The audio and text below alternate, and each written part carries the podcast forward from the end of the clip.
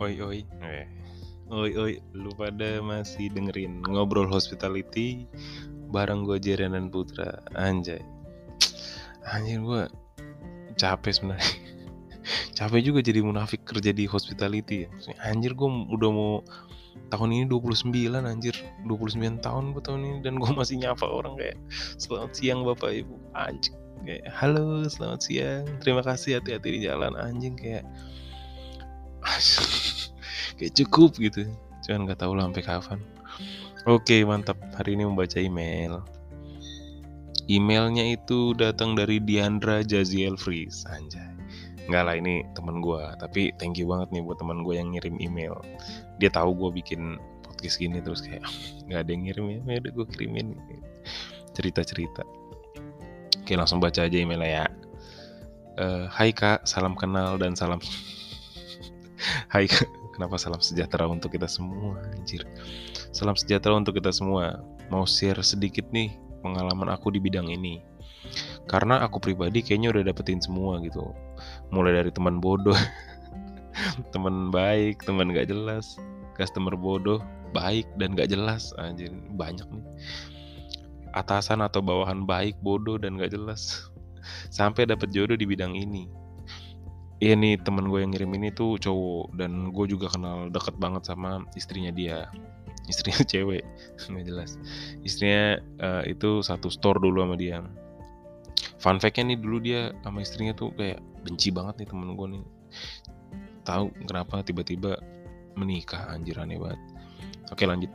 Uh, yang mau aku share sih bidang ini tuh bener-bener bikin aku makin dewasa dan makin sabar. To be honest emang capek but enjoy sih. Enggak men lu tuh nggak enjoy lu cuman akhirnya di titik capek dan akhirnya udah lu ikhlas aja gitu sama sama penyapaan-penyapaan orang yang selamat siang kak. Terus kalau kayak dia nyebelin tetap harus nice gitu. Enggak lu nggak enjoy lu cuma capek aja. Lanjut. Tapi kalau aku pikir-pikir pekerjaan ini better worth, better worth di umur 30 ke bawah deh. Karena kalau umur kita udah 30 ke atas sulit rasanya untuk bisa selalu ramah dan otak di umur 30 tuh kompleks jadi sulit buat fokus dan kondisi kondisi fisik tuh nggak bisa bohong dong. Ya benar. Itu sih pikiranku doang ya. Enggak enggak enggak pikiran doang bareng itu. Oke okay, what do you think kak? Kira-kira berapa lama seseorang bisa bertahan di dunia hospitality? Dan kira-kira golden age kita untuk masuk ke dunia ini tuh di usia berapa? Sekian deh kak dari aku. Maaf ya jadinya bukan share malah jadi membuka kompromi. Hehe apa sih membuka kompromi? Aneh bless you kak. Cheers. Oke. Okay. oke okay, thank you.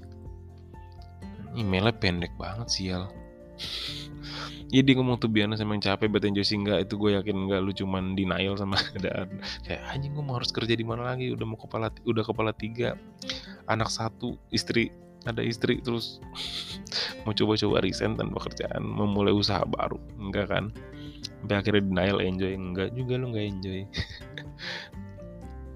dan dia bilang apa lagi ya? Uh, 30 ke atas sulit rasanya bisa selalu ramah dan otak umur di gue tuh ngerasa capek ramah sama orang tuh kayak di umur 25 26 27 tuh kayak ah, capek banget gue ramah terus sama customer. Enggak deh kayak gitulah. Tapi masih sampai sekarang sih. Terus kira-kira berapa lama seorang bisa bertahan di dunia hospitality? Nggak tahu ya gue juga nggak tahu. Karena banyak banget orang yang bisa bertahan di dunia hospitality. Mungkin faktor ekonomi juga uh, yang mana itu bagus buat gue lu bisa ngalahin ngalahin kemunafikan kemunafikan itu karena lu sadar dunia ini emang keras banget. Kayak ya udah eh, dunia keras mau nggak mau gue hadepin aja lah. Hebat banget sih menurut gue golden age kita untuk masuk ke dunia ini tuh usia berapa? Nggak tahu gue gue bener nggak tahu. Mungkin untuk nge-stage kesabaran karena kesabaran lu masih lagi happy happynya mungkin ya umur umur baru lulus SMA kayaknya rata-rata gitu deh. Ya gimana ya gue punya uh, eh gue cerita dikit deh. Gue tuh punya banyak teman lah yang kerja di hotel gitu ataupun di dunia hospitality industri gitu F&B lah. Dan rata-rata kalau kita kumpul nih nongkrong gitu kita tuh Bone udah ngeluh aja gitu. Soalnya kenapa ya dulu nih gue pikir kerjaan ini tuh menyenangkan gitu dulu awal-awal gue udah dari, dari 2011 gitu kerja di sini. Ternyata kita cuma mencoba membuat orang lain tuh senang tidak dengan diri kita gitu. Enggak men. Ternyata membahagiakan orang lain tuh tidak membuat diri kita bahagia juga enggak. Jangan percaya itu. Ya tapi ini uh, eh, gue ngomong ini konteksnya kerja di depan ya kayak waiter atau barista gitu. Yang ketemu langsung sama customer lah. Yang enggak ketemu customer langsung kayak kitchen gitu gue nggak tahu. Gue dulu pernah di kitchen cuman nggak sampai di titik jenuh nggak gue dulu masih happy cuman mau nggak mau gue harus pindah ke depan. Adalah faktor lain. Dan ini uh, eh, gue ngomong kayak gini sudut pandangnya tuh pengalaman gue pribadi lah.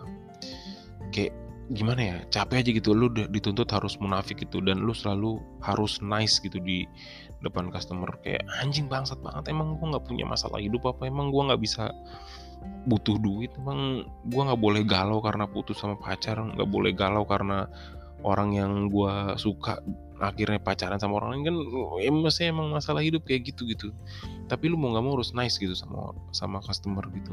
Harus selalu senyum seakan-akan lu nggak punya masalah gitu.